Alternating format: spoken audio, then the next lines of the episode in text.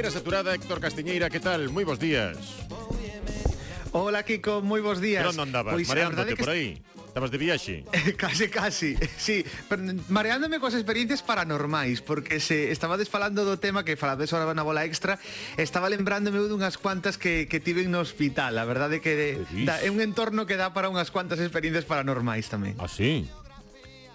Sí, sí, mira, eh, conto chunha rápido, Venga, eh, unha, aparte sí. de que aparte de que no hospital hai moito fantasma de bata branca que vai sí. por ali, pero bueno, eso xa é outro tema, pero pero sí, tiñamos unha eh, aquí ademais no, no hospital Lucus Augusti no Ula, en unha planta que non vou decir cual, que eh, to, nos turnos de noite, eh, cando estabas aí ás 3, 4 da madrugada, estaba claro, todo en silencio, todo caladiño, os pacientes dormindo, e de repente chegaba o ascensor, abríase e non saía ninguén. Entón, claro, nós teña, tiñamos unha, unha, un chiste que era que decíamos xa veu de fumar ao paciente. Entón, tiñamos, claro, como eh, simplemente se, de vez en cando chegaba ao ascensor, abría as portas, quedaba ali un ratiño e logo pechaba as portas e volvía a baixar a, a planta de a planta cero. Entón, era unha cousa rara, pero só pasaba nesa planta, que, debe, que polas noites, unha vez ou dúas á noite, pois pues, o ascensor subía, abríase, salía o, o que tivese que salir o ectoplasma ou o que fose sí, sí. Eh, e logo pois volvía a baixar o, o sótano hubiera supervisor, un espírito dunha supervisora que viña a vixilar que estivésemos traballando tamén sí, sí, ou alguén que viña así a reactualizar listas dos sergas, por exemplo tamén igual citaron, no? igual despois de tantos anos citaron no para unha proba claro. aparecía ali tamén. tamén. pode ser, efectivamente. Igual a lista de espera, claro, 2038 e, e, e o fantasma, pues, ia por ali mi madriña. Mi madriña. Eh, Dixo, xa me tocou, vou, vou ali o Sergas que teño cita por fin. Oi, ti mareaste cando vas no coche?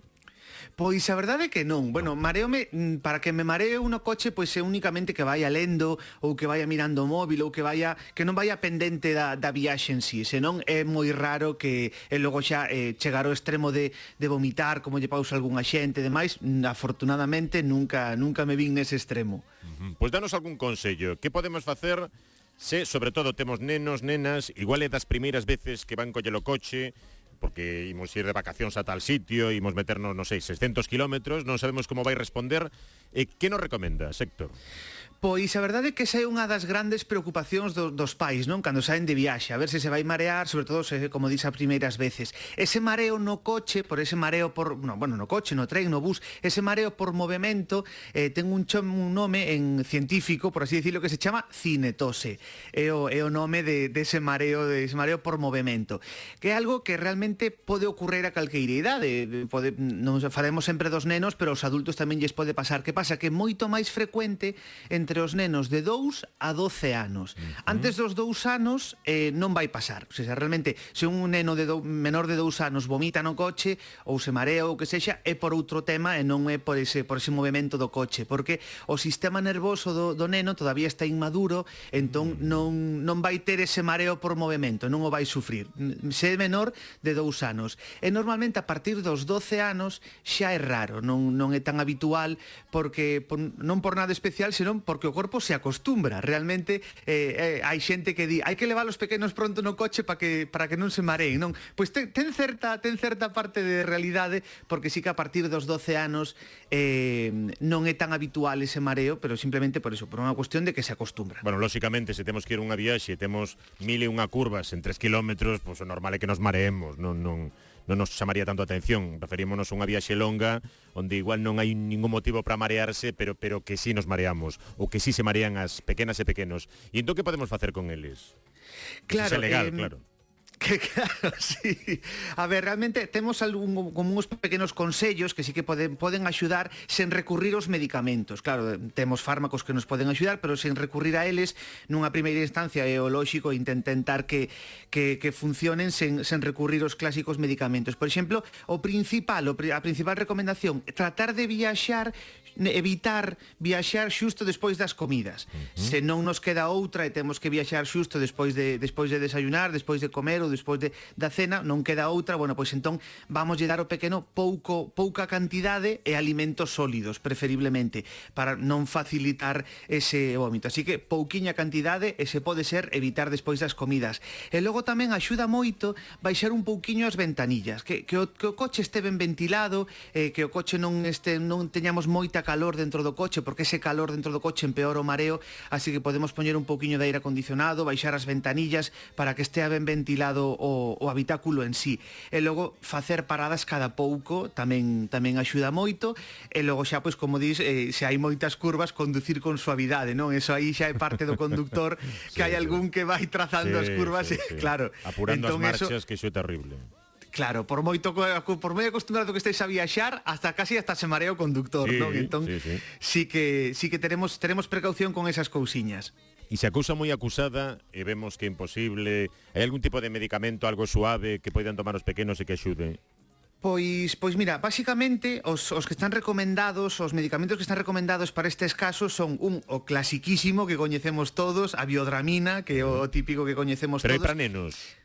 Claro, aí ah. está o tema, que en, ese non debemos dalo sen, sen falar antes co pediatra, porque vale. sí que é certo que, aínda que vexamos no prospecto que por riba dos dous anos podemos dalo, é mellor sempre falar antes co pediatra antes de dar pola nosa conta a, a biodramina. E logo hai outro fármaco que tamén se usa moito en adultos, e non vai a ser que algún lle dea por, por darlle os pequenos, que é a escopolamina. Realmente, si sí, parece estrano, pero a escopolamina eh, úsase ás veces en, en adultos, pero está totalmente prohibido en maio en menores de 12 anos, así que eh, que non se lle ocurra a ninguén que a teña por aí pola casa, voulle dar o pequeno para que para que non se mare, porque vas a acabar no hospital e non no e non no destino vacacional que que tiñas pensado. Mira, di Marcos de Monforte, escríbenos no 627 75 1970 e dinos, eu sempre que podo escapo dos asentos a contramarcha no tren porque parece que me mareo máis. Isto pasa.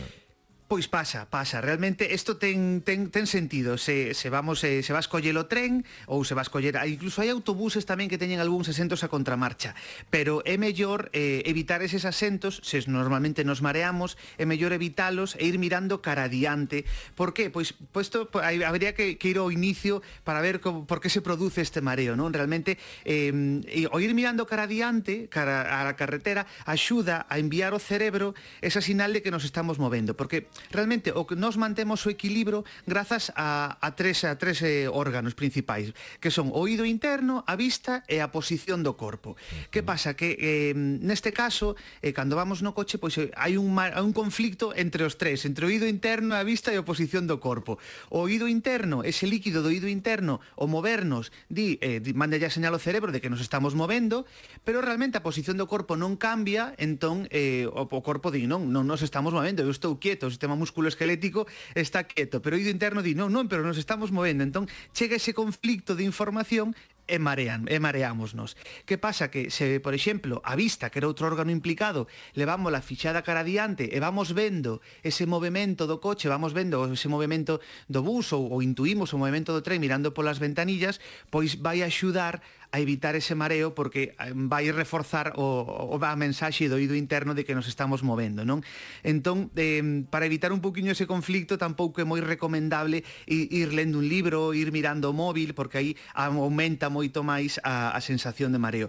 No caso dos nenos, o ideal sería que durmisen, eso sería o ideal, uh -huh. que os metésemos no coche, sí, que quedasen sí. dormidos, porque non porque non dean a lata, pero sí porque sí porque realmente vai ir moito mellor porque non non non se van marear, se van dormidos e non teñen esa, esa sensación de mareo tampouco.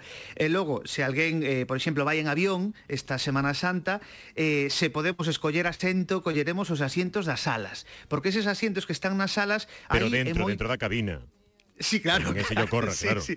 Non, vai, vai fresquiño fora, sí. pero dentro, pero eses asentos que quedan á altura das alas porque vaimos ir moito mellor e ah. o, o ah. mareo vai ser todavía menor. Sí que hai asentos que son que son preferibles para evitar o mareo, como pode ser pois eh, no coche ou a sería o asiento do copiloto, ese sería o, o ideal para marearnos menos pero bueno, en caso de que nos de que o Neno non pode ir diante, pois trataremos de que vaya detrás, pero mirando mirando sempre hacia diante. E logo pois se vamos en barco, se alguén vai coller un barco e se marea, pois que vaya na cubierta que sempre sempre axuda menos a ese mareo, polo que decimos, polo que avís, porque a vista vai enviar esa sinal de que sí nos estamos movendo. Bueno, por suposto falamos tamén de viaxes infinitas, non sei, a Coruña, Estocolmo, Vigo Budapest, Viveiro Monforte, non? Son viaxes sí. onde un sabe cando empeza, pero non cando acaba.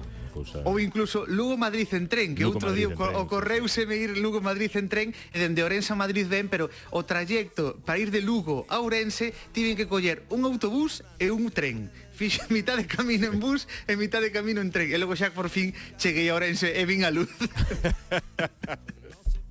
vale, vale. Oye, e hai algún acento mellor que outro, mellor diante, non?